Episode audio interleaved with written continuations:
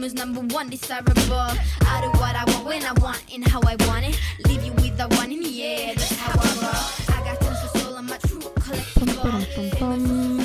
ja kuulate Ausad naised podcasti, mina olen Elis ja oleme tegelikult äh, jõudnud äh, sellisesse kohta nagu Pesa äh, Tallinnas ja ja ma mäletan, et siin tegelikult mingis mõttes minu teraapiline teraapilised kogemused nagu alguse said äh,. alguses küll äh, äh, riigi nii-öelda poolsete toetajatega kõige esimesena, aga pärast, kui ma alternatiivseid teraapiavorme hakkasin võtma, siis siin nagu äh, Äh, need alguse said ja täitsa nagu põnev ja tore on siin olla, sihuke cozy ja minul on äh, täna külas ka väga äge külaline. Ma arvan, et siin tulevad väga erinevaid topikuid ja väga kasulikku äh, inimestele, et äh, tere, Kadri Tilk. tervist. Kuidas sa end tunned, kuidas on olla üldse Tallinnas, sa ju tuled tegelikult äh, päris kaugelt, Saaremaalt. Jaa, ma tunnen ennast iseenesest väga hästi selles ruumis, ma tegingi viimati ühe valguskeha aktiveerimise seansi ja see jäi mul siin majas viimaseks, sest et minu seanss hõlmab äh, teinekord väga kõvasi kõrgeid helisid ja siis äh, keegi kaebas mu peale ongi nii jah ja. äh,? mis ma tahangi öelda, et äh, kui siin kuskil tagataustal mingeid rääkimisi või helisid kuulete, siis äh, nii on lihtsalt, et äh, teises toas siis tehakse mingisugust teraapiat. Et äh, aga ma usun, et meid on nagu väga hästi kuulda ja, ja et see ei sega teid. Aga võib-olla, Kadri, siis tutvustad iseennast äh, paari sõnaga, et äh, kes sa oled, kust sa tuled ja millega sa praegu nagu tegeled. sest et mul ei ole tegelikult sinu kohta väga mingisugust sissejuhatusse teksti. Tead, see on minu jaoks üks keerulisemaid asju üldse, iseendast sellisel viisil rääkida. Ma kohe vaatan, mis mu seest tuleb, sest et äh, see on iga kord natuke erinev, ma märkan seda, kuidas ma olen ähm, kogu oma elu on hästi tugevas voolamises. Ja tõesti nagu mõnes mõttes nagu hunt kriimsilm. ma olen pidanud äh, nii mitmeid ameteid kuni Austraalias äh, mandariini korjamisest äh,, kümme aastat arhitekti karjääri, siis ma olen olnud võrkturunduses kõva ärimutt. Siis ma olen ise, ma olin Eestis esimene CBD maaletooja, ma kaks aastat ehitasin sellist ettevõtet nagu CBD Kanep OÜ, mille me siis mingi hetk müüsime maha. Sain endale mõned politsei case'id selle CBD müümisega kaela mis oli omaette tore, tore saaga, olin kriminaaluurimise all. Äh,. et jah, meie süsteem ja valitsus täna ei ole veel alternatiivsete ravimetoodikatega nii sina peal ja ma ei mäleta, kes see mingi poliitik oli, kes ütles, et ta teeb selle CBD kanepiga üks-null ja siis ei läinudki kaua, kui meil oli jah, läbiotsimised ja igast asjad, et see oli huvitav. ja, kui CBD läbi sai uh,, mis siis edasi sai? Ah, siis ma avasin, aitasin avada ühte kohvikut, ökokohvikut Le Ökola uh, siis ma aitasin ehitada Adila surmas Sõõrumaal labyrinti, olin selle projekti nii-öelda eestvedaja ja siis, siis kui see läbi sai, siis mul no korraks oli siuke, et okei okay,, mis ma nüüd teen. no ja siis ma avastasin ennast äh, graafilise disainiga pannimas, kus, millest ongi tegelikult tänaseks välja kujunenud Elohima tempelart, millega ma siis äh, põhiliselt tegelen sellega, et inimesed äh, kirjutavad mulle näiteks oma mingid olulised elemendid, lemmikvärvid, mingid energeetikad, mis nad tunnevad, et neid toetab ja mina loon siis sellest sellise graafilise kunstiteose väepildi, mida siis inimene saab kasutada enda toetamiseks. ja siis järgmine asi, mis sealt välja kujunes mis on ilmselt tegelikult kõige rohkem, ma ise tunnen, et minu loomulik olek on äh, teraapiad ja sellised inimeste õigele hingeteele suunamise seansid äkki või. et ma olen seda tegelikult teinud mingil kujul terve elu, äh, lihtsalt niimoodi pidanud seda enda loomulikuks omaduseks märgata ja ära tunda, mis on inimeste selline eripära või mis võiks olla nendele omane loomulik äh, loomisviis ja siis äh, kuidagi olen aidanud inimesi seda nägema ja igasuguseid probleeme lahendama ja siis selle tulemusena nende elu kergemaks teinud nii-öelda. ja nüüd ma teen seda siis tööna kui saab seda nii nimetada Vau, ma, ma tegin suured silmad, sest et äh, minu jaoks olid paljud asjad üllatused, eriti äh, võrkturundus ja CBD äh,. ma mäletan küll äh, neid reklaame või mingeid selliseid kleepse ja, ja seda ikkagi ju oli üsna üsna igal pool oli nagu nähtav see, ma mäletan see logo oli nagu mingi kanepikujuline, et mm -hmm. äh, mis sellest siis sai nagu, mis seal toimus, et kuidas sul selle nagu case lõppes siis äh,? seal oli, ma alustasin CBD-d kanepiga tegelikult sellise hästi suure entusiasmiga, sellepärast et äh, mul on selline omadus, et kui ma midagi ise kogemist tõesti ja nägemist tõesti nagu töötab, siis ma lihtsalt pean sellest rääkima. vahet ei ole, kas ma saan selle eest raha või ei saa, ma lihtsalt olen eluaeg olnud niisugune soovitaja. ja kuna mul oli endal selline hästi mõnes mõttes raske periood, ma olin oma pere just ära lõhkunud uh,, mul oli armuke, kellega mul oli tohutu armastuse lugu. Ja siis äh, samal ajal kogesin tegelikult depressiooni, sest et see lugu ei töötanud kuidagi, see oli üks äh, künkad ja mättad ja täna ma noh, kui, kui näiteks kaksikleegi kui sellise mm, hinge kokkuleppe mingeid kirjeldusi lugeda, siis seal on ka kirjas, et see on üks äh, vampiraid ja suht võimatu missioon ja umbes nii ta oligi. ja sellel ajal ma siis äh, sattusin CBD õli otsa ja see töötas. ma tundsin ennast oma kehas nagu oluliselt rahulikumana, see tasakaalustas mind, see aitas mul paremini magada, see aitas mul nagu äh, selget sellist joont hoida nendel sellistel depressiivsetel hetkedel.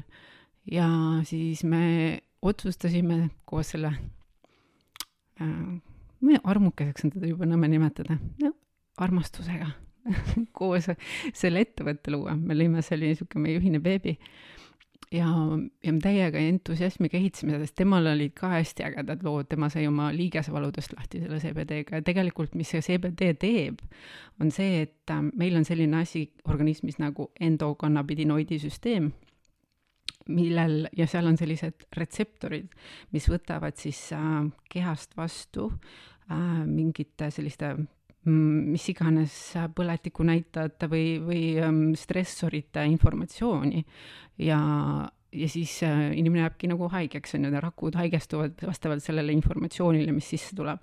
aga CBD siis paneb endal niisuguse nagu kihi nende äh, retseptorite peale ja blokeerib selle info sissetuleku ja rakk saab taastada oma normaalse nagu keskkonna. ja sellepärast ta töötab hästi paljude erinevate igasuguste hädade puhul super hästi nii et äh, see oli see põhjus, miks me hakkasime suure entukaga tegelikult seda tegema siin Eestis. aga siis, noh, see oli õlikujul, aga siis ühel hetkel hakkas Euroopas buumima ka selle ähm, õieversioon, ehk et siis mitte DHC kanep, vaid CBD kanep. ja me hakkasime siis müüma ka CBD õisi ähm,. ehk siis, et sa said sedasama asja endale organismi manustada läbi suitsetamise või tee joomise või noh, me müüsimegi seda tegelikult vist tee pähe, kui ma õigesti mäletan. ei, okei okay,, seal oli liiga skeemitamise tegelikult, kuidas me seda müüa saime, aga see on liiga spetsiifiline, ma ei hakka sellest minema. igal juhul see töötas täiega hästi, me kasvatasime ühe aastaga ettevõtte käive mingi üle kahesaja tuhande vist, see oli nagu täiega ägedalt buumis. aga siis ähm, saigi, aa, meile tuli konkurentettevõtteid päris mitu, ma ei mäleta, äkki kokkuvõttes selleks ajaks, kui Terviseamet lõpuks hakkas meie vastu huvi tundma, siis oli neid juba äkki mingi viis ettevõtet. ja noh, neile ei meeldinud see, et, et see nii tõhus vahend su väga hea alternatiiv tegelikult tavameditsiini kõrval on ju oh,. kõikene, okei okay., jälle si seal mm. -hmm. jah, ja siis tõmmatigi korralikult vesi peale, keelati meil selle õlimüük ära, siis me hakkasime seda kosmeetilise tootena müüma. et nad läksid seal mingi uuendtoiduseaduse kallale, hakkasid seal sellega meid kuidagi peedistama.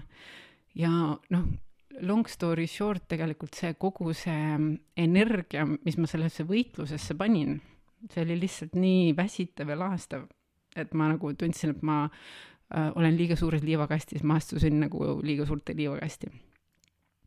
ja siis olid, meil olid juba CBD kanepi kullerid äh, erinevates linnades, Tartus, Tallinnas, Pärnus niimoodi, et keegi helistas, ütles, et ma tahan nagu CBD kanepit, on ju, siis kuller viis äh, kuhu iganes ära, on ju et see oli täiesti geniaalne kontseptsioon, aga see lõppeski sellega, et politsei võttis meie kulleri vahele Tallinnas ja konfiskeeris siis ära kõik ähm, õied, mis tal olid. ja tegi testid. Aga see viis, kuidas äh, CBD kanepi DHC taset mõõdetakse Euroopas, on täiesti teistsugune metoodika kui see, kuidas äh, siis DHC kanepi äh, seda taset mõõdetakse siin kohtulaboris ja nad said siis meie CBD kanepist välja sellised numbrid, mis siis olid üle normi, et seal võis olla vist DHC tase, kui ma õigesti mäletan, null koma kaks protsenti kuni null koma kaks. Aga meil oli seal mingi a la null koma kuus või mingid siuksed numbrid tulid nende testimismetoodikaga välja.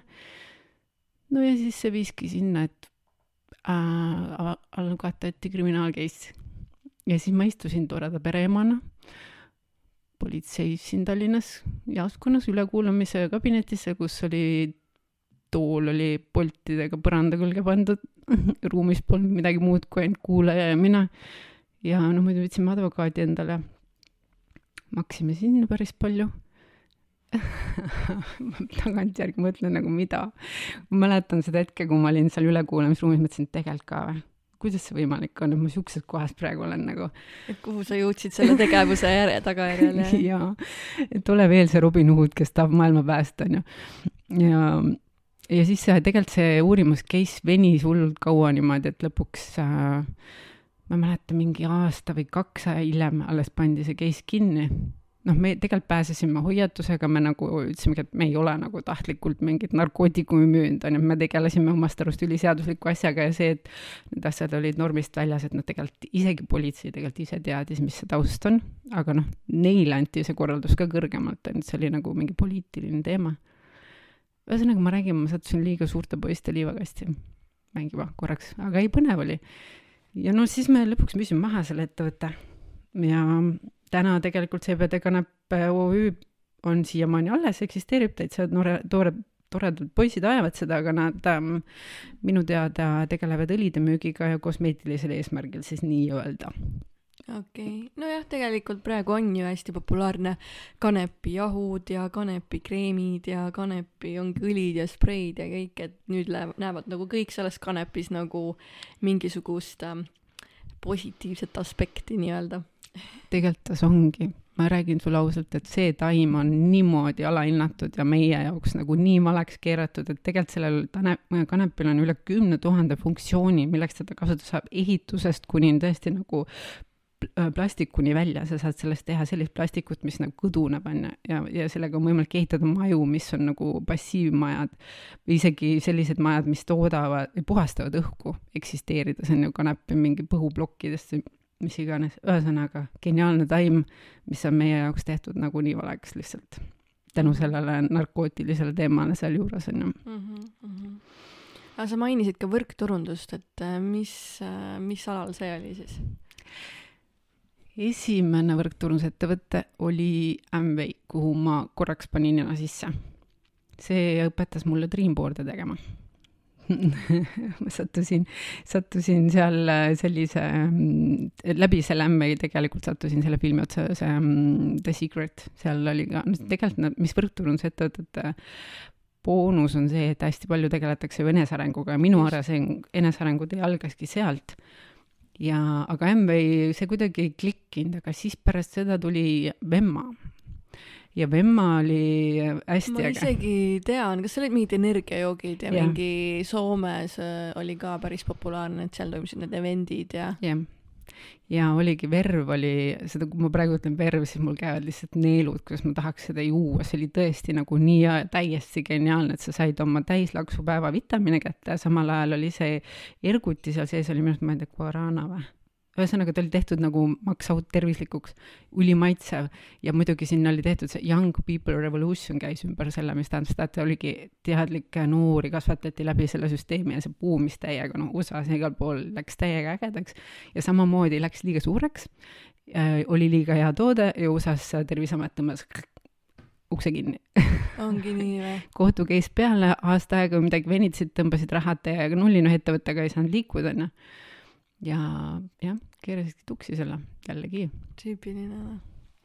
ja siis mul oli selline tunne, et okei okay,, ma ei saa enam teha ühtegi võrkturundust, sellepärast et ma ei tea kunagi millal nad jälle ukse kinni panevad, et täiega nagu südamega ehitad ja möllad. ongi jah, et nagu mingi mitu aastat paned alla ja mm, -hmm. ja mhm. siis nagu kõik ühel hetkel jah. kuigi noh, CBD tuli alles pärast seda võrkturundust, siis ma oleks, noh, sain tegelikult sama kogemuse, et, et kui sa teed siukest asja, mis äh, ühesõnaga, mida kiiremini karavan sõidab, seda rohkem koerad hauguvad, see lause käib minuga kaasas, et nii kui ma tõmban mingi asjaga nagu selle laine üles, siis kohe jääb kellelegi ette. Mm. -hmm ja pära-, aa, ja pärast Vemmat tuli siis, oota, mis seal oli, siis tulid sellised äh, raha tegemisvõrkturundusasjad, mis mina ei tea, ma olin nii naiivne, noh, mina päriselt uskusin, et need ongi nagu päris asjad, et olid mingid pilvesüsteemi müümised, Kairus oli. mm,, sinna ma ehitasin päris hea tiimi äh,, siis tuli, mis seal oli, Questra äh,, ühesõnaga vahepeal oli, ma arvan, et see kestis kuskil umbes aasta või kaks enam-vähem, kus ma olin siis sellistes äh, raha liigutamise ettevõt-, ettevõtetes, mis äh, siis äh, müüsid jah, igast pilvesüsteeme, ma ei mäleta, mis asja seal veel oli. no igal juhul, see läks nii crazy'ks, et ähm, ma käisin, mul oli vahepeal minu tiimi kaudu oli sisse pandud ühte ettevõttesse juba kaks miljonit eurot ja ma läksin äh,, käisin veel Peterburis seal peakontoris siis nagu vaatamas, et kas on ikka õige ettevõte ja aa, seal oli mingi kauplemine. krüptomaailma mingi kauplemise teema, et vii, paned oma raha sisse, siis nemad kauplevad ja siis annavad sulle nagu see kauplemise pealt mingit tulu. ja kõik tundus nagu jumalast päris, aga umbes nädal või kaks pärast seda, kui ma seal Peterburis seda kontorit külastasin, siis äh, tüüp pani kohvrid kokku ja sõitsid minema ja võtsid raha kaasa ja ja siis meil oli siin palju paksu pahandust, sest et oli oh palju, palju rahast ilma jäänud inimesi. ja siis tuli küll siuke et okei okay,, enam ei ühtegi skeemi, et nagu noh, jällegi tekkis selline tunne, et isegi siis, kui sa nagu näed pabereid, näed kauplemiskontosid, sa näed nagu kohta, kus sellega tegeletakse, siis sa ei tea kunagi. kes on mis, seal eesotsas. jah, ja mis nende inimeste peas on mm. -hmm. sellepärast need... tulebki nagu alguses minu arust inimest tundma õppida, kes seal on seal eesotsas aru saada, mis on tema väärtused, kas ta läheb, ühtib nagu ja kuidagi jah, tunnetada, end usaldada kuidagi selle järgi. No jaa, ja ühe ettevõttega tegelikult saigi, mul, äh, minu upline siis käis täiesti nagu, käisidki suhtlemas ja vaatasid seda kõike nagu hästi lähedalt ja tunduski väga päris, aga näed ikka. ühesõnaga äh, see rahamaailm mingil tasandil on ikkagi nasty värk on küll, aga mida mina näen, on see, et sa oled väga julgeid äh, otsuseid äh, ja tegu, tegutsenud ikkagi nagu, et äh, ma arvan, et väga paljud ei ole oma elu jooksul nii palju asju kogenud, kui sina nagu teinud oled, mis sa siin ette lugesid, et ähm,. jaa, mul on mingi imelik äh, selline omadus tõesti, et ma hüppan peas ette, vette lihtsalt nagu, et vaatame tee peal, kuidas saab ja see on mulle alati tegelikult toonud, isegi siis, kui need asjad ei ole nagu läinud nii, nagu võiks, võib-olla ideaalis algul mõtlen, siis kogemus on ju nii priceless, et ma ei vahetaks seda mitte millegi vastu, et ma nagu täna vaatan tagasi, et nagu üliäge ja mul ei ole üldse mingit teemat sellega, et ma olen nii palju ameteid vahetanud või et ma ei ole pannud nagu mingi ühe ameti peal terve oma elu ja olnud tubli tööline, see pole minu teema. Ja minu, minuga mitte.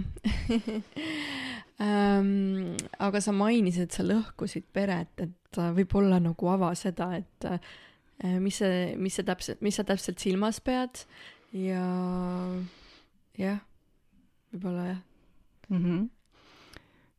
Um, minul oli äh, selline hästi äge lugu oma lapseisaga, et me oleme ühel päeval sündinud ühes haiglas, emad olid kõrvuti voodites ja me saime kakskümmend aastat hiljem tuttavaks.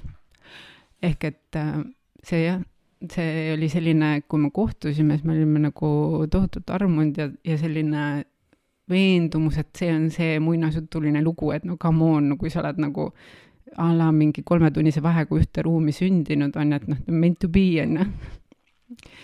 ja siis me olimegi hästi tublid kümme aastat koos ja kasvatasime, tõime siia ilma imelise tütre. ja siis sellel hetkel, kui oligi finantsiliselt hakkas looma, kodu oli ilusti üles ehitatud, kuldne retriiver oli võetud, kõik asjad olid nagu justkui muinasjutus, siis oli universumil meie jaoks nagu hoopis teised plaanid. ja ma mäletan seda hetke, kui ma istusin oma kolmekümne esimene sünnipäev oli ma olin restoranis, olid kõik sõbrad laua taga ja äh, mu kaasa istus teispool lauda. Ja siis ma nagu, kõik oli justkui olemas näiliselt ja siis ma küsisin lihtsalt sellise küsimuse enda peas. kas see ongi kõik? ja kuu aega, kuu aega hiljem tuli siis äh, mu ellu äh, teine mees. ja niimoodi, et nagu ma ei oodanud seda tähendab, mul oli nagu oma kaasa suhtes mingid ootused, et milliseks ta võiks areneda või kasvada, sest ma olin nagu enesearengu teel temast ees. Aga mul ei olnud seda usku või arvamust, et mulle tuleb keegi teine.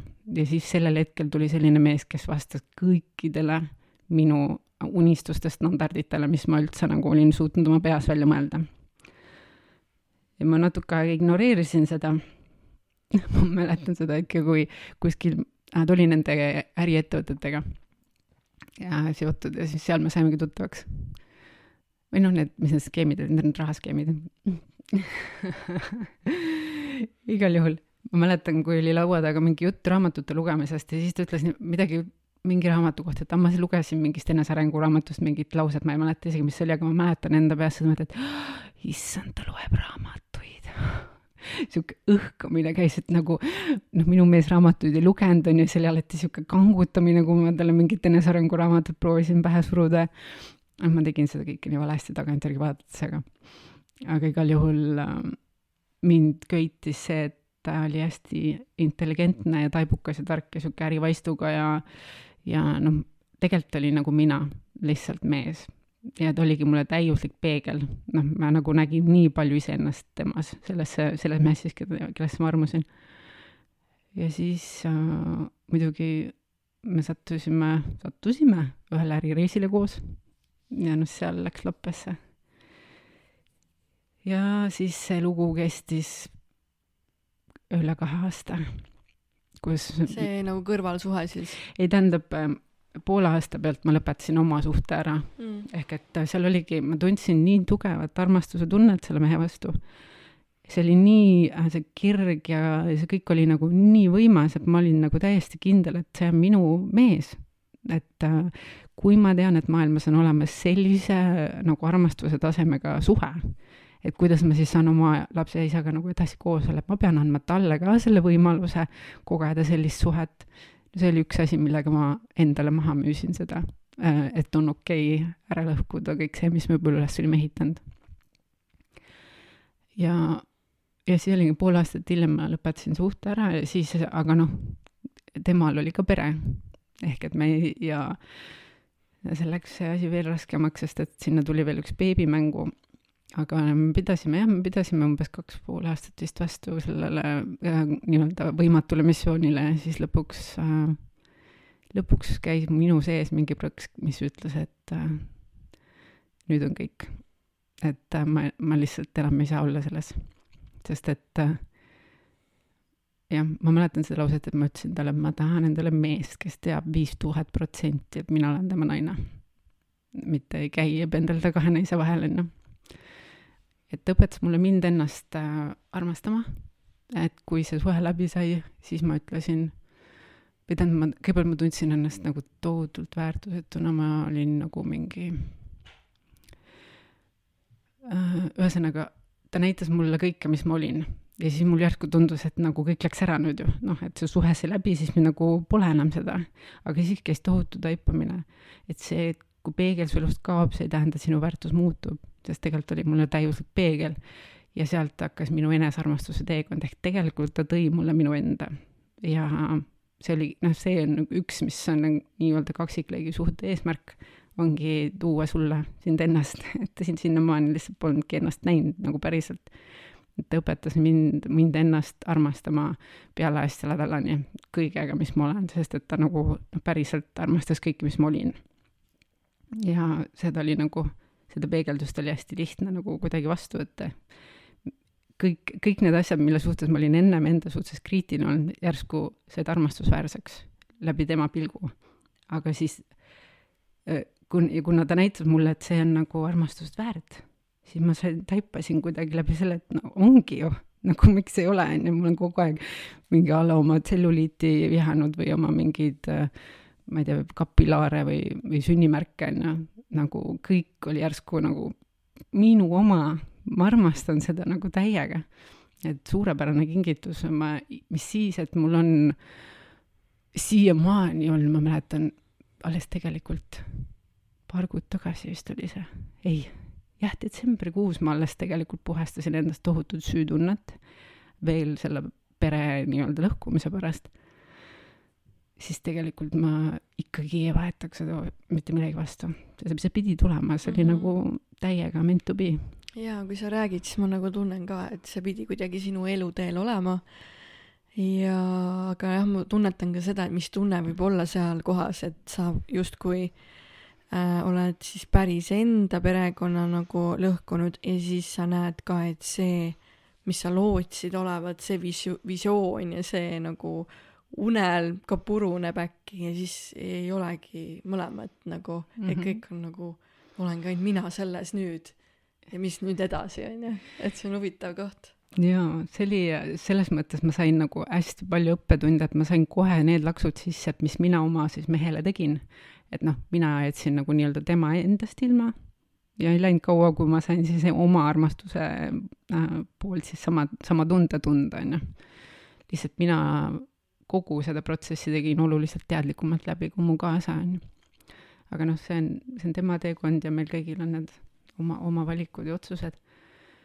et ähm, igal juhul, äh, kui ma tagasi vaatan, siis ähm, kui ma oleksin, mis on täiesti mõttetu lause tegelikult, aga kui ma oleksin selle teadlikkuse juures, kus ma olen täna, selles suhtes, äh, kes oli minu lapse isa, siis ilmselt me oleks koos siiamaani ja meil oleks ilmselt väga tore pereelu et äh, aga oleks ja poleks on täitsa mõttetud tegelased. ja ma mäletan, sa mulle ka seda ütlesid, et kuule, et äh, need on täitsa mõttetud asjad nii et ma jah, ja tegelikult ma nagu, see on nii huvitav, kuidas sa saad ühes asjas kogeda teadlikku vaatenurka ja siis seda inimeseks olemise vaatenurka ja sa ei saa, isegi siis, kui sa kasvad teadlikuks mingites asjades läbi kogemuste, siis sa ei saa endast seda inimlikku poolt välja lülitada, sa pead tegema need inimese valud ka läbi nagu Just. täielikult. ja, ja see on omamoodi ka kasvatav, tohutult kasvatav. jah, tulimegi seda inimeseks olemist siin ju kogema ka mm, -hmm. et mhm. seda ei tasu nagu ära unustada. just täpselt. Aga tegelikult on üks teine topik veel, mis mind nagu huvitaks, et äh, just selline polügaamias olemine, et äh, ava seda ka jah, ma natuke avan siis, et ähm, kui see suhe läbi sai äh,, siis ma natuke aega olin üksinda ja ma olin, siis mis ma endale siis lubasin, oli see, et ma ei lähe enam elu sees sellisesse suhtesse, kus on naisi rohkem kui üks. ehk et mina pean olema number üks. Ehk et noh, kuna sellele nii-öelda eluarmastusele ma ei saanud kunagi number üheks, ma olin kogu aeg teine, kes ootas, millal ta naine võimaldab selle, et äkki kuidagi me saame kokku, onju. siis see oli minu jaoks selline hästi tugev valukoht ja ma otsustasin nagu never again. ja siis äh, juhtus nii, et never say never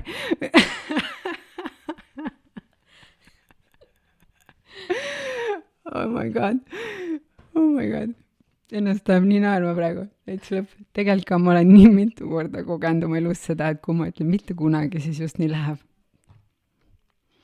nojah, ja siis läkski nii. et äh, ma olin mõnda aega, mis see oli siis, siis kaks aastat enam, poolteist aastat pärast selle suhte lõppemist, siis ma jooksin kokku ühe, ühe meesterahvaga, kes äh, äh, keda ma teadsin, et ta ei ole nagu huvitatud suhtesse asu-, astuma, sest et ta oli just nagu lõpetanud oma pikaajalise suhte ja tema tahtis kogeda seda vaba mehe elu, on ju. ja no mina mõtlesin kohe ja ma teadsin, et tal on mingid erinevad pruudid ka Eesti peal, et äh, noh, ma olen temaga lihtsalt sõber, mina nagu kuskile seal nagu ei, mina ei lähe sellesse suhtesse. ja siis ükskord juhtus nii, et ähm, mu üks sõber kutsus mind Võrru ühe enda sõbranna juurde, kuhu pidi tulema kokku viisteist inimest. jah. ja kui mina sinna jõudsin, siis oli see tüdruk, kelle juurde me läksime, siis see, kes mind kutsus, seda polnudki. ta oli kuskil ise, kuskil mujal, ta ei jõudnudki sinna. ja siis jõudis see noormees, kes äh, pidi tulema ka kellegagi koos, ühe oma nendest tüdrukutest, aga see jäi ka maha ja siis oligi niimoodi, et me olime lõpuks kolmekesi seal, mina, siis see kohaomanik ja siis see noormees. ja, ja need ülejäänud viisteist inim-, või noh, ütleme siis kaksteist inimest, lihtsalt kõik, kes saatis sõnumi, ma ei saa tulla, me jääme sinna, ühesõnaga keegi ei tulnudki lõpuks sinna me olime kolmekesi, aga me olime valmistanud seal ruumi ette selleks, et, et seal saab olema üks äge mingi kräu, on ju. see, see aeg mu elus oli hästi palju muusikat ja, ja muidugi see noormees on ka muusik ja laulab nagu jumal. Aga ja siis, ja siis oligi niimoodi, et me, meil oli kõik mikrid, asjad, võimud, kõik olid püsti pandud ja me istume seal kolmekesi, mis asja me nüüd teeme siis ja siis kohaomanik nugrutseb veel, et kurat, jumala jama, et me sättisime kõik valmis, aga kedagi ei ole, onju mina ütlesin, kuule, me tegime seda endale, onju, et miks me ei võiks seda set-up'i siis nautida, mis siin on, onju. no ja siis läkski, läkski pidu käima kolmekesi ja, ja see noormees istus mikri taha ja hakkas laulma. Ja siis, kui ta võttis oma esimesed need noodid ja laulis, siis ma lihtsalt vaatasin teda niimoodi täieliku heldimusega, mõtlesin nagu, mu süda lihtsalt ütles, kuidas ma teda ei armasta. no ma ei saa seda tunnet kinni hoida, nagu see on nii võimas lihtsalt, mis mu süda tundis ta vastu. no ja siis ma hakkasingi täiega armastama teda sellest esimesest hetkest ja ma ju, ja ma niimoodi nagu meeletasandil olin selle vastu, et ei, Kadri, ei, sa ei lähe sellesse kohta uuesti nagu. ja, ja siis ma ütlesin talle ka, et tead, mees, ma ei tea, mul on niisugune tunne, mu süda teab rohkem kui mina ise, et äh, no siin on midagi, mida ma veel ei tea, meil on mingi hinge kokkulepe, on ju. ja oligi, noh, tema ka, noh, su-, alguses meil oli ikkagi väga hea klikk ja ja noh, ja siis ta veel helistas mulle järgmine päev, kuule, aga sa tegelikult ju tead, et mul on ju need teised naised ka, on ju, ja ma ütlesin, ma tean jaa, aga nagu okei okay,, ma ütlesin, olgu, ma ei taha nendest naistest midagi teada, sa lihtsalt ole nendega kuskil, tee mis tahad, kui me kokku saame, siis ma lihtsalt ei taha neid ruume, on ju aga tema hakkas mind kohe väänama. ma ei tea, kas seal läks nädal mööda, kui sedagi, kui ta juba kutsus mind järgmisel üritusel, kus oli üks nendest naistest. ütles, et kuule, aga tuleme lihtsalt koos ruumi, vaata, mis tunne on. nagu lihtsalt nagu, mis tunne on. ja, ja mul oli meeletasandil kindel ei, ma ei tule mitte kuskile. ja siis äh,, oota, mis seal oli? ja siis mulle helistas hommikul mm, ma nägin unes ühte tüüpi, kes ka sinna üritusele tuli. ja see ütles mulle, Kadri, sa pead siia tulema, nagu unes.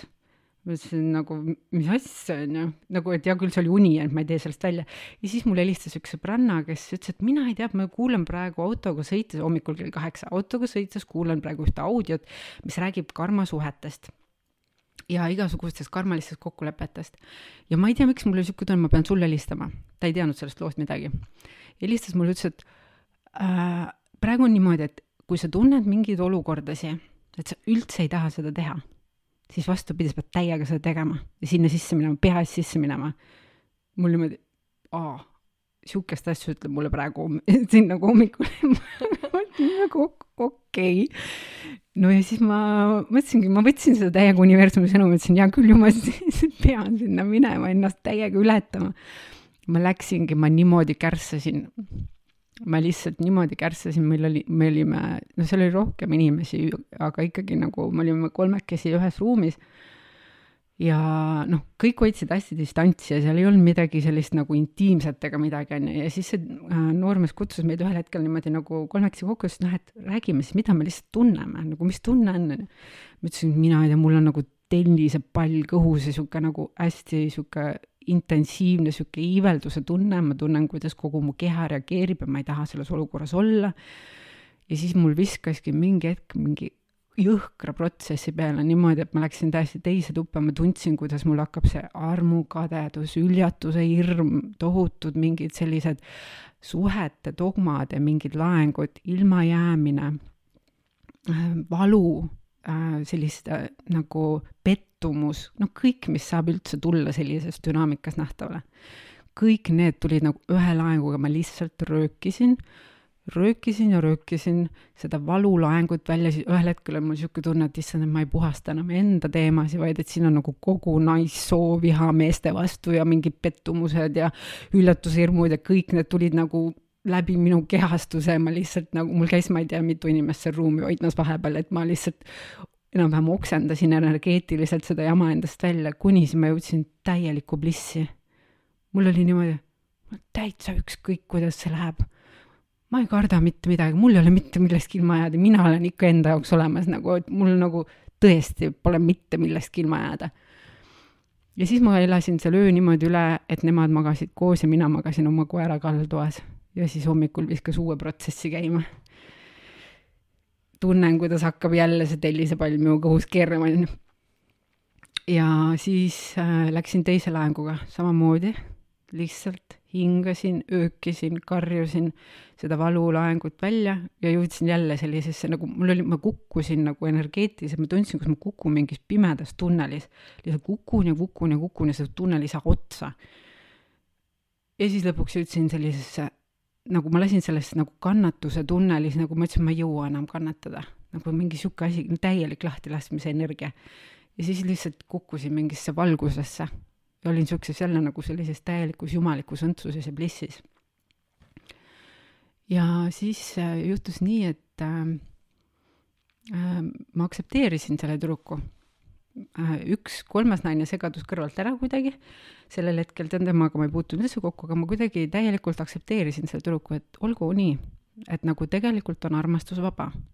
et see, et minul on äh, hingeline kokkulepe selle noormehega, kogeda kõike seda, mis ta tegelikult juba on mulle kingituseks toonud, nagu nii palju vabanemist mingitest dogmadest äh,.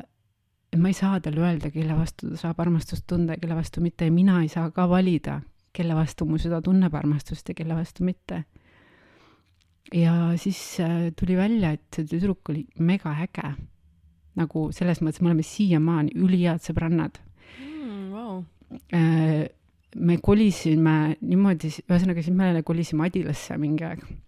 niimoodi, et see noormees elas Adilas, siis see tüdruk kolis Adilasse just teise majja. siis äh, Tarvo, minu kaasa, elas selle tüdrukuga koos ühes majas, nad jagasid nagu maja Adilas. ja siis oli niimoodi, et mina käisin seal lihtsalt külas, onju, sellel noormehel.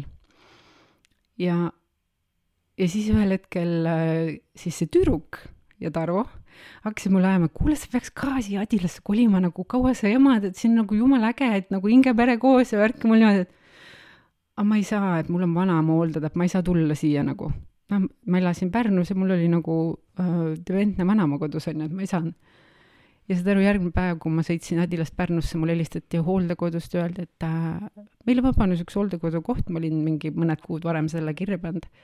et äh, te saate oma vanaema tuua nüüd nagu üks päev pärast seda, kui mul oli ettepanek tehtud, koli siia. noh, minu jaoks oli see jälle universumi sõnum, issand jumal. mine nüüd täiega. vabadus oligi nii. ja kolisingi, long story short jälle, kolisin Adilasse, Tarvo kolis sealt toast välja niimoodi, et mina kolisin siis selle tüdrukuga ühte majja ja meist said majakaaslased ja me nagu noh, täiega, täiega ilma igasuguse, see ei olnud, see ei ole mingi seksuaalne teema, selles mõttes ma ütlen kohe ära, onju.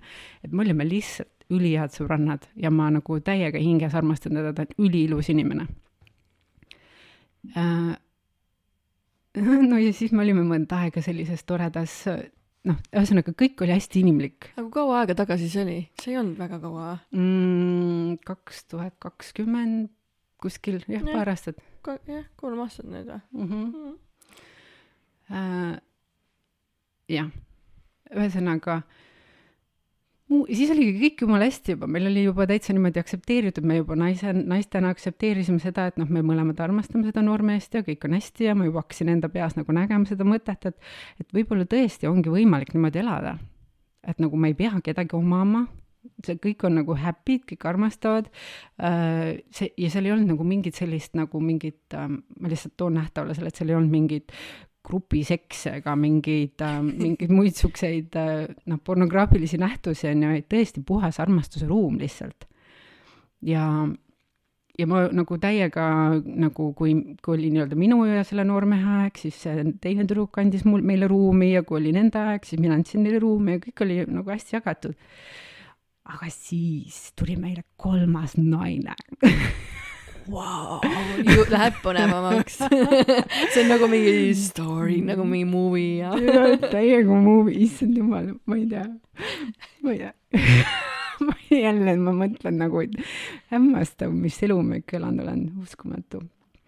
aga igal juhul. pärast kuulad seda järgi ja vaatad ma ei oleks uskunud, et ma praegu siin nii palju pean nähtavaks tooma, aga mul ei, ma ei, ma ütlen, ma räägin seda kõike tegelikult mul ei ole midagi varjata, see on elu, see ongi elu, sealt filmid saavadki oma story'd, noh, nagu mida ma sellest varjan, et, et ähm, et vastupidi, äh, võib-olla see inspireerib veel kedagi julgemalt just, usaldama. mina tulingi just äh, enne sind, enne sinuga nagu vestlust ähm,, tulin persooni brändingu naistega jutustamast ja nemad rääkisidki, et kui see lugu, sinu lugu üht, ühte inimest kõnetab, siis äh, see juba nagu loob ja see juba nagu aitab kedagi edasi, et see on väärt tegelikult äh, jagamist, et ükskõik, milline see kogemus on olnud, et ära üldse nagu põe.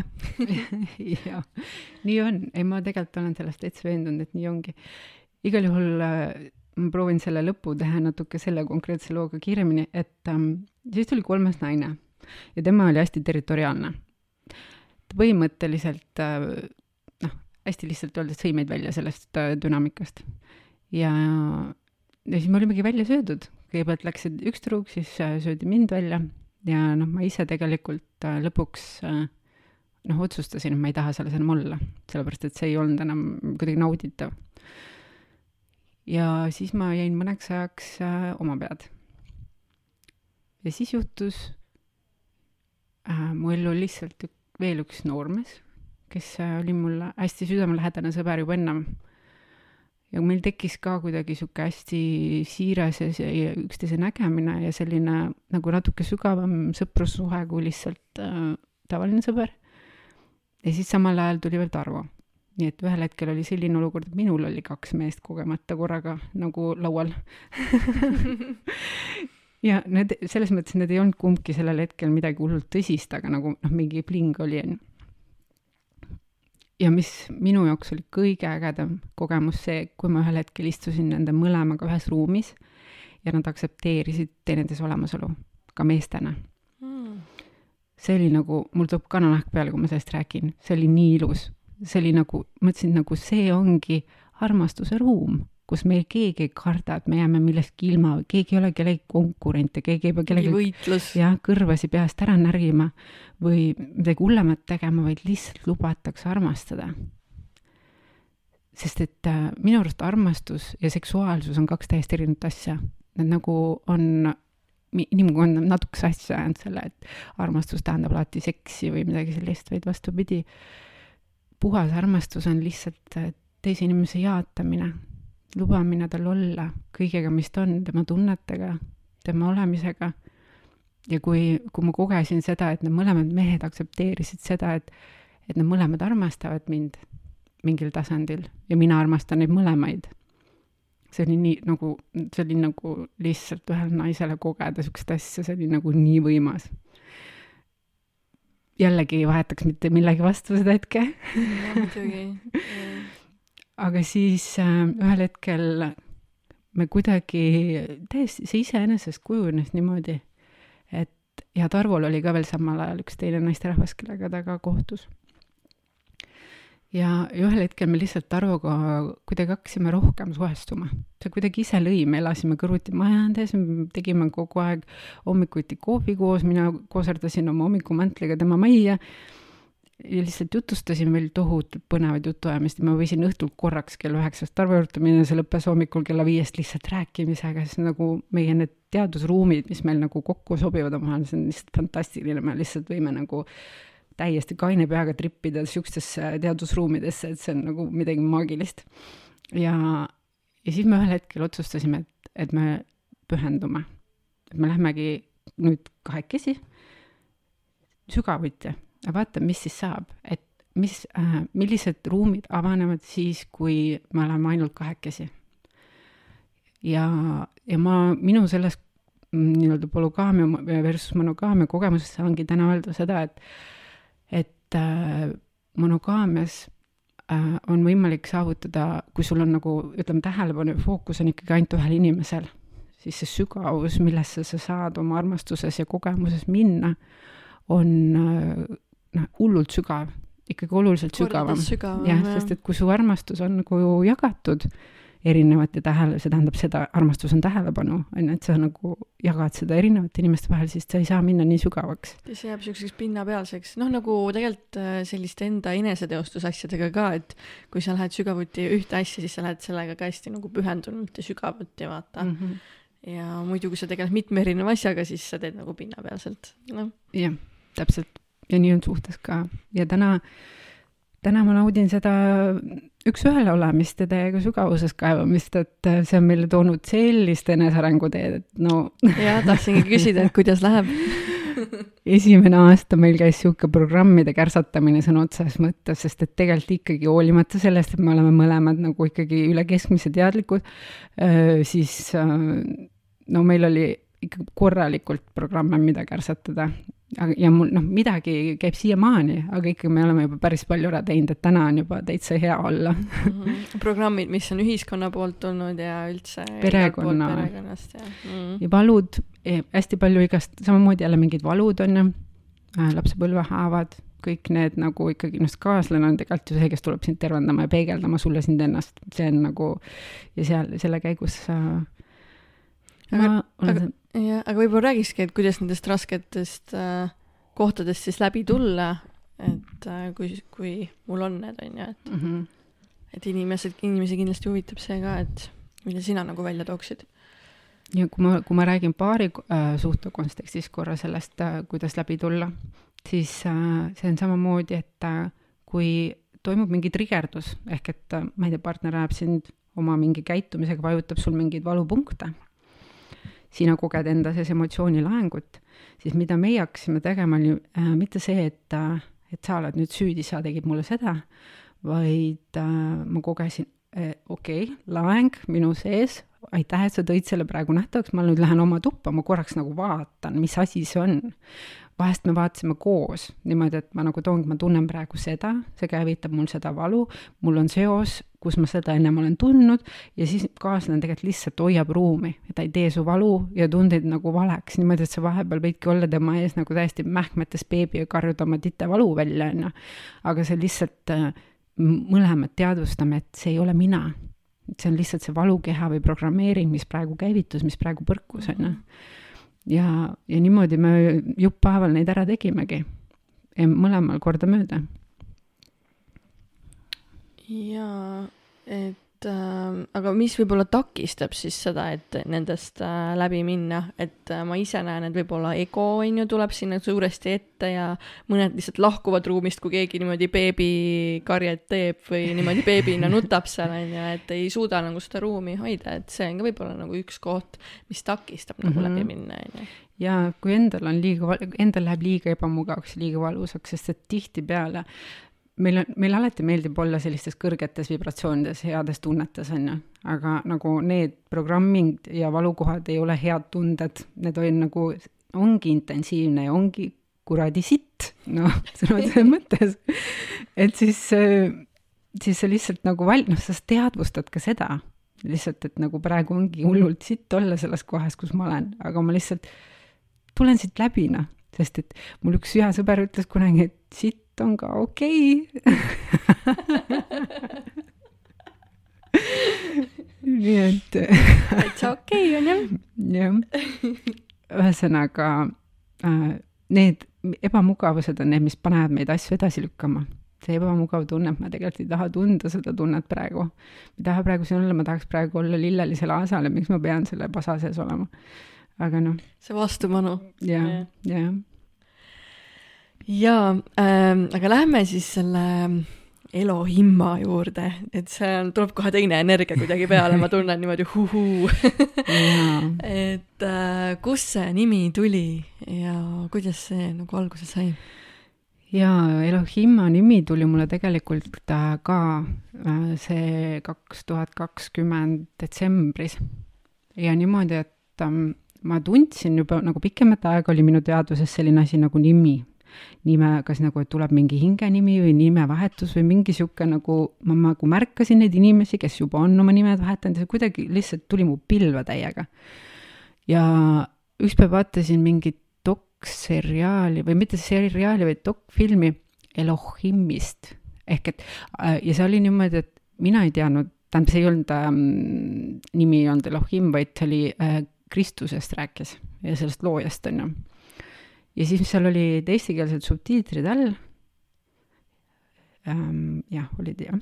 ja siis äh, ühel hetkel kuidagi ma nagu enam ei vaadanud seda pilti, mis seal oli, mis seal räägiti, ma lihtsalt jäin kuidagi, pilk jäi sellesse subtiitriridadesse kinni. ja ühel hetkel oli seal nagu Elohim kirjutatud. ja ma üldse ei, nagu tõesti ei tea, mis seal ekraani peal toimus. ma nägin seda Elohimi ja mul jooksis täiesti automaatselt sinna otsa Elohimma ja siis käis nagu täislaks kananahk, pisarad hakkasid voolama, ütlesin, issand jumal, ma olen Elohima.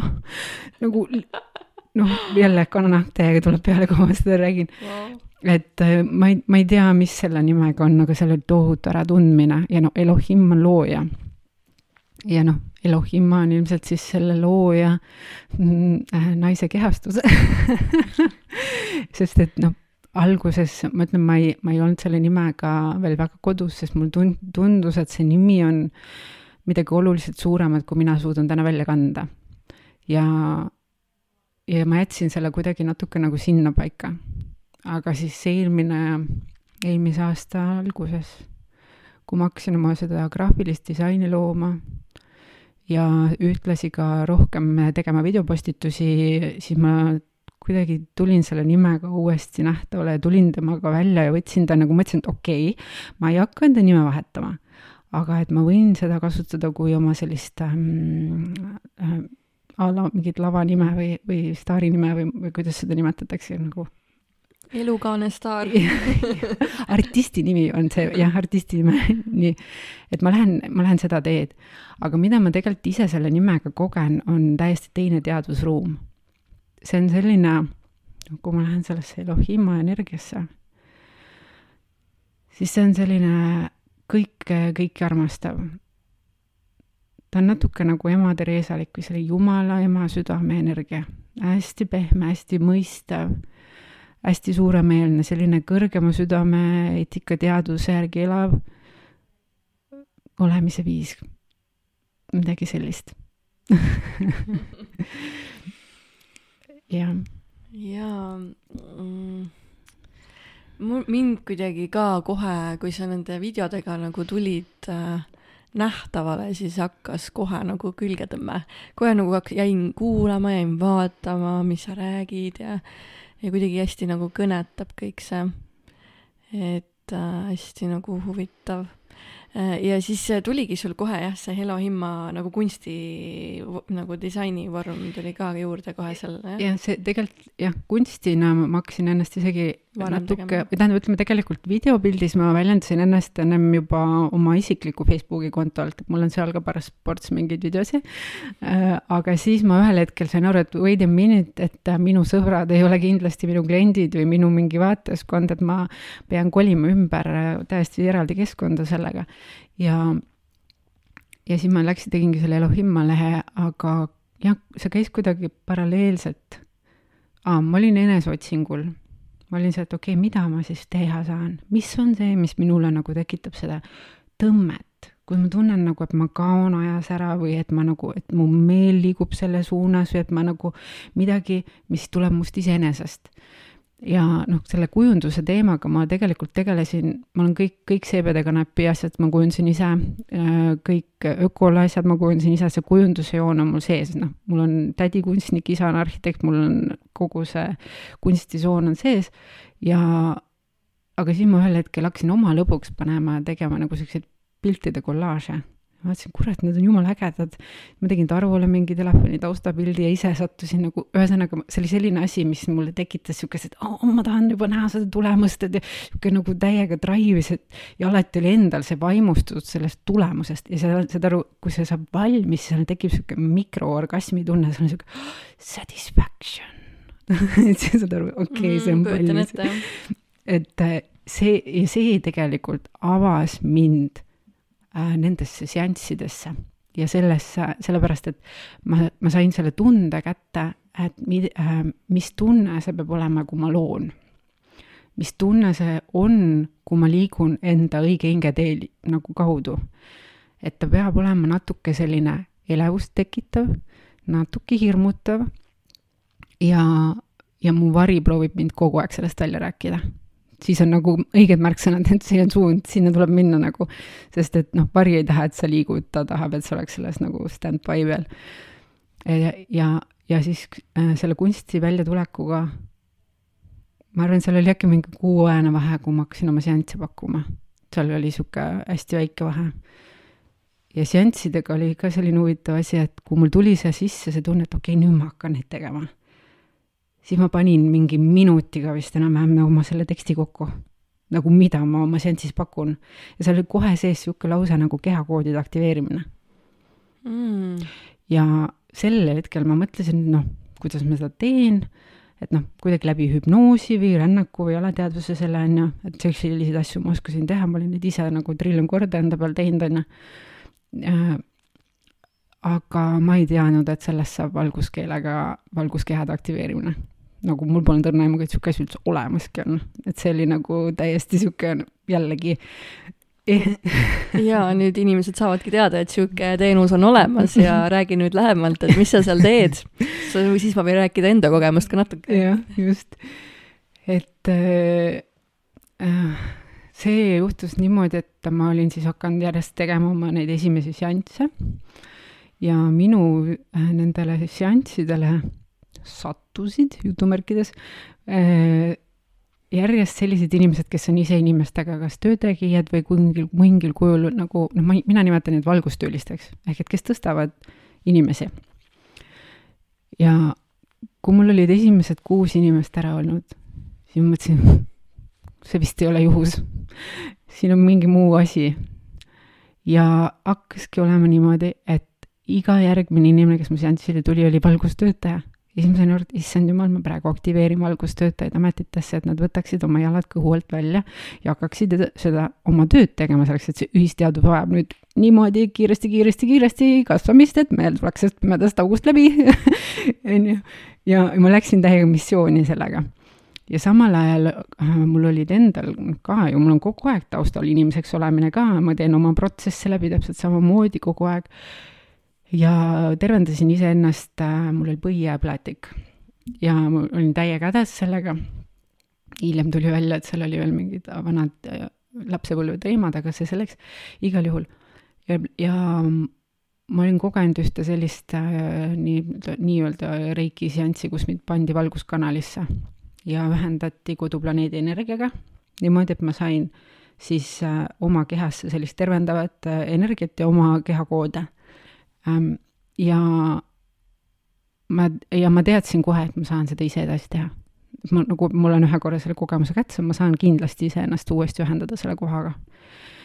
ja tegelikult äh, kõik, kes minu seanssidel on siiamaani käinud, siis äh, nii mõnelegi, kellelt ma tunnen ära, et tal on see võimekus iseennast ühendada, et ta võib vabalt seda tegelikult ise uuesti teha. lihtsalt noh, seal ei pruugigi tulla seda valguskeele loengut aga mis minul siis toimuski sellesama enda valguse kanalisse panemisega, kui ma ennast tervendasin, tuli selline äh,, ühel hetkel tuli hästi tugev energialaeng ja mu oma käed hakkasid koputama mu keha. ma ma käisin, koputasin ja patsutasin tohutult enda keha, panin energiat liikuma, vajutasin mingeid punkte, ma ei tea punktide vajutamist mitte midagi, ma ei ole midagi õppinud mm. -hmm. lihtsalt keha, käed ise käisid ja hästi intensiivne valguskeel, ma rääkisin sellises keeles, mida ma polnud elu sees enam kuulnud. ja tähendab, ma teadsin, et valguskeel on juba olemas, aga ma ei olnud ise seda kunagi rääkinud, ma ei teadnud sellest selles mõttes midagi. ja siis ma tõusin sellest haigest seisundist järsku voodis püsti, tegin kätekõverdusi, mul tohutu vitaalsus, ma tundsin ennast nagu kolmeteistaastane enda kehas, mul sihuke power sees, ma vaatasin peeglisse, mul olid silmad nagu tõllarattad, ma olin nagu täis laks mingi enda väe kätte saanud. noh, lihtsalt ma tundsin ennast nii vähekene, küsi mida iganes sa tahad, ma tean vastust. nagu kõik oli nii selge. mul oli äh, selle seisundi oota, kuna see juhtus äh, eel,? eelmise aasta aprillis vist, kui ma õigesti mäletan, jah mm.? aprillis või mais, kuskil seal ja siis äh, pärast seda oli niimoodi, et mulle sattusid teele mõned äh, veel valgustöölised ja ma lihtsalt nendega kohtudes ei suutnud tagasi hoida, mul oma keha hakkas uuesti võnkuma. mul hakkas kohe valguskeel, mul tuli see seisund kohe tagasi, et ehk iga kord, kui ma kohtasin inimest, kes ma teadsin, et on nagu valgustööline, või siis mu keha andis märku, et on valgustööline, sest ma nagu ei saa, see oli mul alles nii värskelt tulnud, see asi sisse, ma ei osanud seda nagu talitada või selles mõttes tagasi hoida, et oli kohti, kus ma mäletan Päikeseranna festivalil lihtsalt keset seda saali ma hakkasin ühte naist koputama ja talle seda valguskeelt peale lugema niimoodi, et ma ei, ma ei saanud seda nagu tagasi hoida. nüüd ma tänaseks olen sellega nagu, see on oluliselt maha rahunenud, selles mõttes, et täna ma handle in seda väga hästi aga, aga jah äh,, nii juhtus jah, ma ei tea, kas sul vahepeal küsimusi tekkinud? jaa, see valguskeel on huvitav ma olen ennast vist vahel tajunud äh, nagu kas, kas kui ma olin noorem ja kui ma siin nagu täiskasvanuna ka olen olnud, et ma hakkan laulma mingisuguses täiesti tundmatus keeles mm. -hmm. Äh, et siis mul on ka nagu vahepeal küsimus olnud, et huvitav, et kas see on mingi keel või noh, et kas see eksisteerib või noh, et ma lihtsalt ise mõtlen nagu mingi suvalise asja välja või mm, -hmm. või noh, et siuksed küsimused nagu kergelt tekivad, et mõned inimesed võib sama olla, et nad nagu vahest lihtsalt leiavad ennast korraks nagu nagu niimoodi alateadlikult vaata muus keeles rääkimas mm. -hmm jaa, mina, ma, ma julgen öelda, et see on valguskeel, sellepärast et äh, tegelikult äh, see ongi see, kui sa küsid seda küsimust, kas see on olemas, siis see noh, ei ole olemas. selles mõttes, et see, see on nagu püha keel, see tuleb nagu otse loojast, läbi sinu, see on otse sinu hingest. ja, ja need on, see on hästi individuaalne, kõikidel inimestel on põhimõtteliselt see erinev on, muidugi on see, kui sa hakkad, kui sa hakkad oma mingit rassikeelt rääkima, kui sa oled mingi plejaad või, või mingi, ma ei tea, mis erinevad need rassid on, artuurlased ja nii edasi, nendel kõigil on oma erinev valguskeel ka. aga tegelikult on valguskeel ka see, kui ma, kui sa oma hingest räägid, lased oma tundeid välja selles äh, vibratsioonis ja see mm. on ülemeeleline, see on midagi, mida siin planeedil keegi ei mõista meeletasandil, aga inimesed saavad nagu kehaga aru ja mida tundlikum sa oled, seda seda kindlamini sa saad tegelikult selle vibratsiooni kätte ja minul on täielik veendumus, et ma ei tea, kui palju ma olen ajast ees sellega, seda ma ei oska öelda, aga ma olen täiesti kindel, et niikuinii telepaatiline suhtlus juba praegu nagu järjest nagu võimendub, inimesed tõusevad oma teadlikkuses ja lihtsalt me juba saame osade inimestega väga hästi telepaatiliselt suheldud. aga see valguskeel on ka niisugune asi, mis kindlasti tuleb, süveneb ja, ja ühel hetkel ma arvan, et see on täiesti normaalne, et inimesed suhtlevad selles keeles, sest see on kõige vahetum üldse seal ei ole nagu mitte ühtegi programmeeringut tegelikult peal, seal on puhas püha keel, lihtsalt selle hetke looming, mis tuleb mm.. ja hästi autentne. ja, ja nüüd, kui inimene tuleb siis su seansile, siis äh, sul, sul oli kaks, kaks nii-öelda sellist äh, teenust. praegu on kaks, jah mm. -hmm. et äh, üks on siis üks on vaimse arengutee nõustamine, kus ma lihtsalt aitan sellest äh, noh, näha seda kohta, kus inimene on, võib-olla ta on mingis pusas parasjagu või, või ta ei tea, kuidas edasi või mida edasi, tahab lihtsalt natuke nõu pidada, on ju.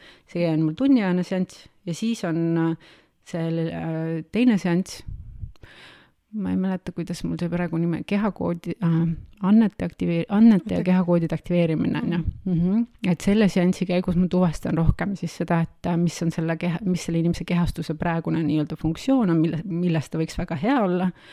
ja siis toon äh, valguskeelega need ähm, valguskeha aktiveerimise nii-öelda koodid piltlikult öeldes mm. -hmm jaa, ja siis ma võingi ka enda kogemust rääkida, ma, mind juba tükk aega kutsus äh, Kadri juurde minema seda seanssi nagu saama, et äh, võib-olla saab midagi uut äh,, mingit teist külge äh,. mulle meeldis see, et sa tõid kohe nagu ära, et äh, mida ma ruumi toon, milline ma olen nagu oma olemuselt, et ma olengi selline päike, on ju mm. -hmm. ja et milli-, millist värvi ma siis kiirgan, et selle sa tõid nagu koheselt välja. ma olen seda varem ka kuulnud jaa, aga see nagu kinnitas seda, tõi jälle nagu teadvusesse, tõi meeldetuletust, kuhu nagu fookust panna, on ju, milline sa oled, vot selline energia, on ju.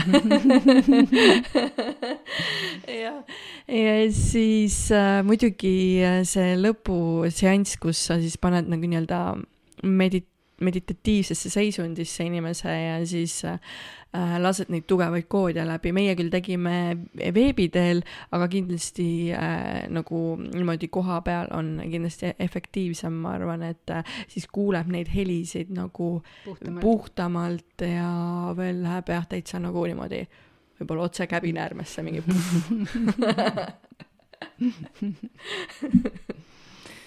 jah jah, ja, ja noh, mina, ma ise selles mõttes tajun seda, et, et see tegelikult äh, ma ei ole, ma ei ole aru saanud, kui suur vahe on. ma olen usaldanud seda, et need, kes tulevad kohale, need peavad tulema, tihtipeale need, kes kohale on tulnud, nendel mul on ka nagu vajadus neid puudutada. noh, kuidagi juhatab mind neid puudutama, aktiveerib mingeid kehapunkte, aga, aga need, kes ei tule kohale ja teevad Zoom'is, siis no ma räägin, ma olen teinud ka Maldiividele ja teispool Eestit ja igale poole ja, ja see energia jõuab kohale ja kes mm -hmm. on mhm. tundlikumad, need seal võnguvad teispool ja noh, ühesõnaga see, siin ei ole nagu aja ja ruumi tähtsust üldse.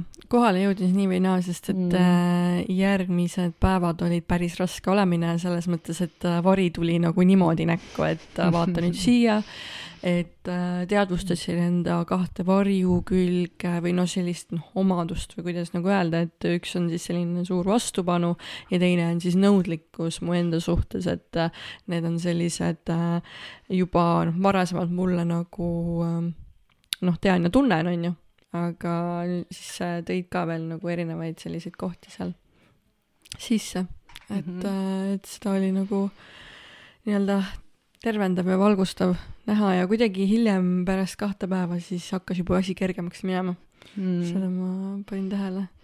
ja, ja mida sina veel nagu tõid välja, mida ma ka enda puhul olen nagu täheldanud, et tõesti minu sees on vahest äh, mingi selline äh, parasiitenergia või selline energia, kes tõesti naudib seda äh, madalal äh, vibratsioonil olemist äh,, sellist äh, kurbust, ohvrimeelsust äh,, angooniat, nagu sa mainisid mm., on ju, et tõesti seda mingil määral mus on olnud kogu aeg mm. -hmm.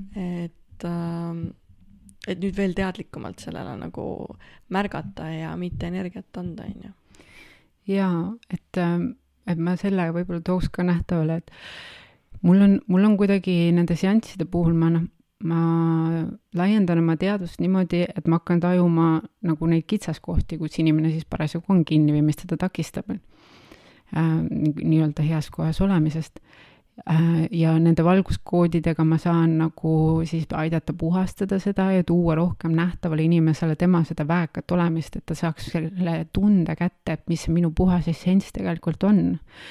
Ähm, vahest inimesed tulevad sealt sellest äh, laengust välja niimoodi, et nad oleks nagu puuga pähe saanud, et ei olegi ühtegi mõtet ja pea on täitsa tühi ja sihuke hästi hea kohalolus tunne on, siis tegelikult see ongi see rahutunne kohalolus enda kehas, et ma tunnen iseenda sees iseennast väga hästi äh,. küll aga endaga töö tegemine peab siiski jätkuma, et inim-, et see ei ole nii, et ma teen inimese eest kõik ära, et see valgus, et seal on, ma toon lihtsalt need kohad nähtavale ja sealt edasi lähebki see vastutuse võtmine ja pühendumine enda heaolule. et, ähm, et see mm, mõte läks ära nüüd mm. -hmm. no ühesõnaga, et tööd on vaja endaga teha, aga minu arust see, ähm, see on meie ühiskonnas selline äh, sõna kõlks võib-olla või sõnapaar, mis tekitab raskustunnet või sellist, et oh, tööd, tahad tööd teha aga tegelikult ma saan aru, see programmeering on kõva, sellepärast et meie enamus inimesed, enamus inimesed töötavad vastu tahtmist ja, ja vahetavad enda aega ja enda energiat raha vastu.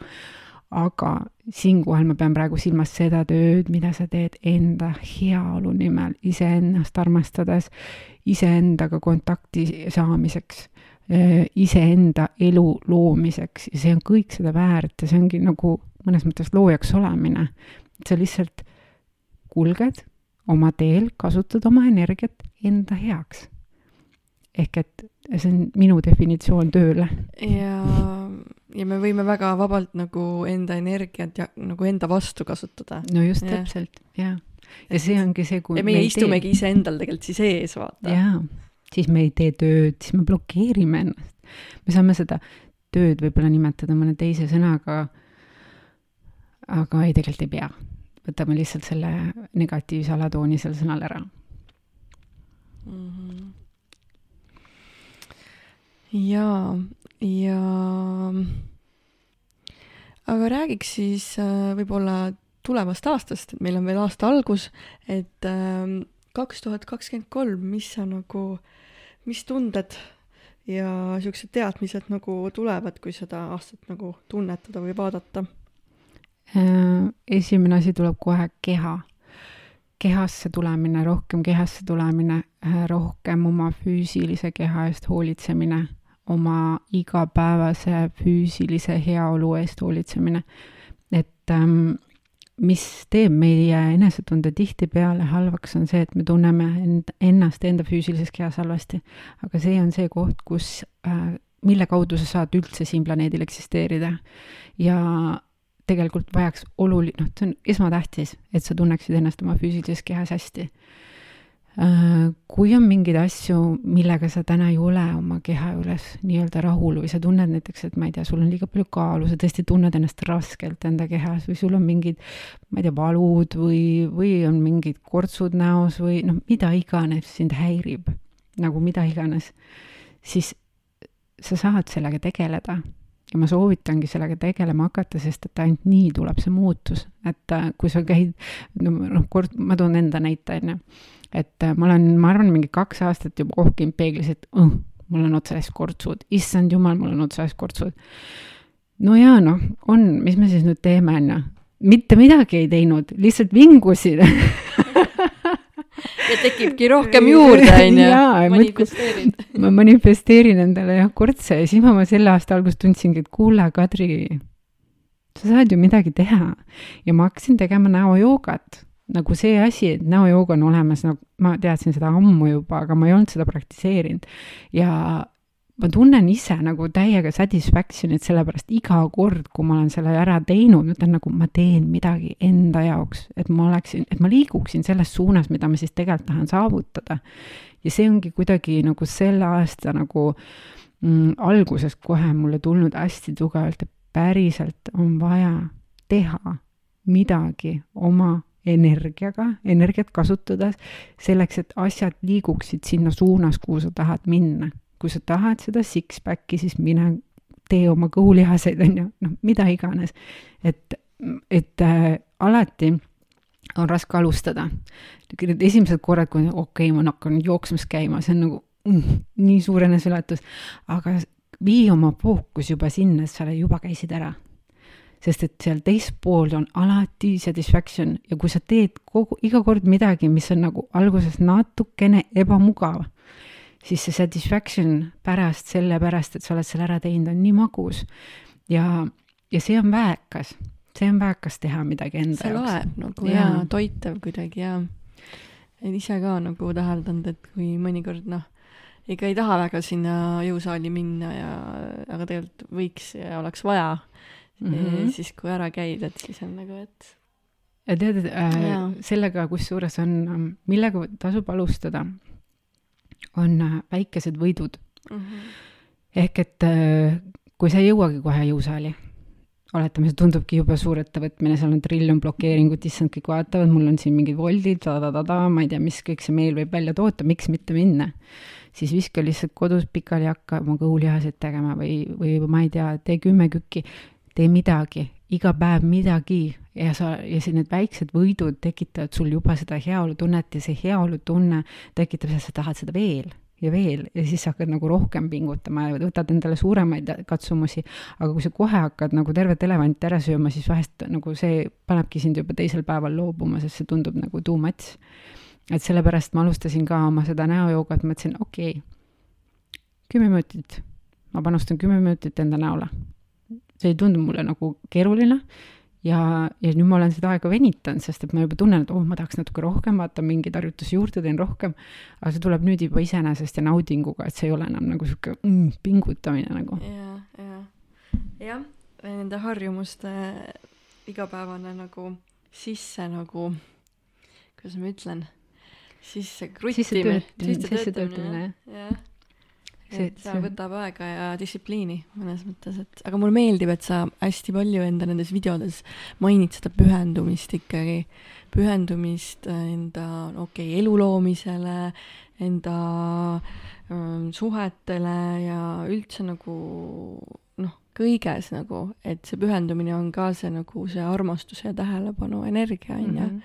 et äh, see on ka minul olnud selline nagu väljakutsev äh, koht ja nüüd nagu näen seda rohkem, et äh, kuhu energiat panna ja mida sellega teha ja jaa, ma just üks päev avastasin selliselt äh,, ma kuulasin ühte videot, kus üks naine rääkis äh, ka nendest asjadest, mis äh,, mis me peaksime elus ära tegema, mida me soovime saavutada.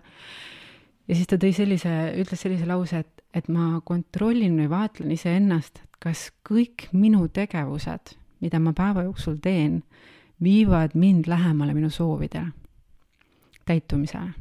ma peaksin tegema igat liigutust tegelikult selleks, et see viiks mind lähemale. ja see ongi pühendumine.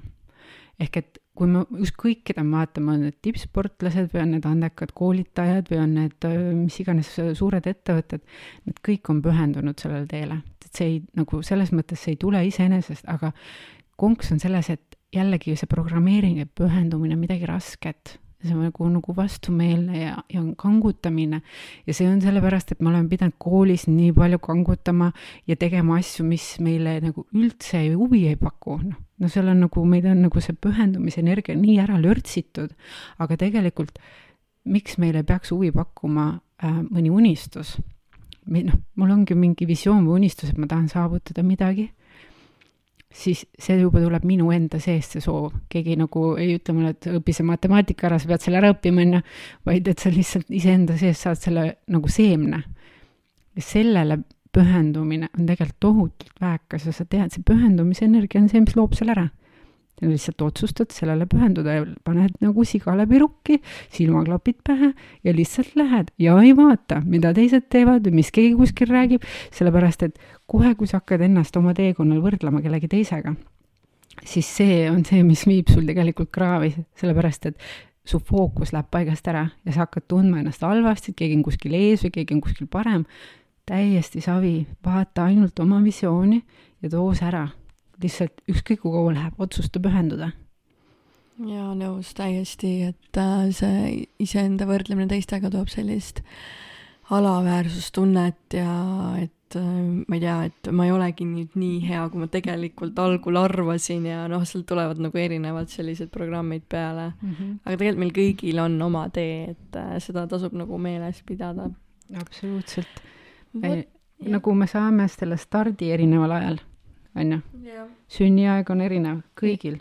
ja, ja stardipunkte on täielikult erinev, nii et. et siis see lõpp-punkt ja teekonna kiirus ja kõik on erinev ja sellesse tasub lihtsalt alistuda, nii on, noh Mm -hmm. jällegi koolisüsteemi programmeering.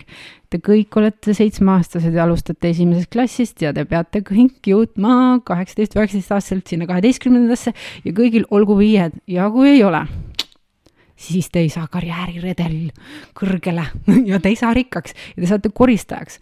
ja noh, kõik see. hirmutamine. oh my god, see on nii vale mm.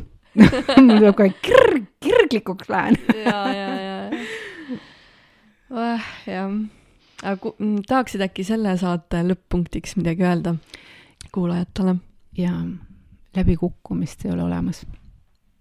tegelikult ka vaat sa ütlesid, et ma olen olnud nii julge ja riskinud igaste asjadega mm. -hmm. Äh, ma võiks öelda, et kui ma vaataksin seda äh, selle mindset'iga, et on läbikukkumised, siis ma kukkusin läbi perekonnas, kukkusin läbi ettevõtjana korduvalt. oi jumal, ma olen nagu emana läbi kukkunud, ma olen nagu kõikides asjades läbi kukkunud aga mina ei vaata seda nii, mina näen nagu issand jumal, kui palju võite, nagu iga kogemusega selline hunnik, ma võiksin kirjutada varsti oma elust juba kolm raamatut ja ma tunnen nagu, et see täidab mind ja ma iga kord saan midagi ja kui see katsumine läks nagu tuksi, siis ma võtan uuesti ja teen edasi. ehk et päriselt ka läbikukkumist ei ole olemas ja hirmu kui sellist tegelikult ka ei ole, hirm on illusioon. see ongi see nagu hirm läbi kukkuda, mõlemad on illusioonid, pole olemas, see on lihtsalt mingi ajuvaba programmeering, mis blokeerib meid liikumast sinna, kuhu me minna tahame. nii et lihtsalt too ära, too see ära, mis sa tahad.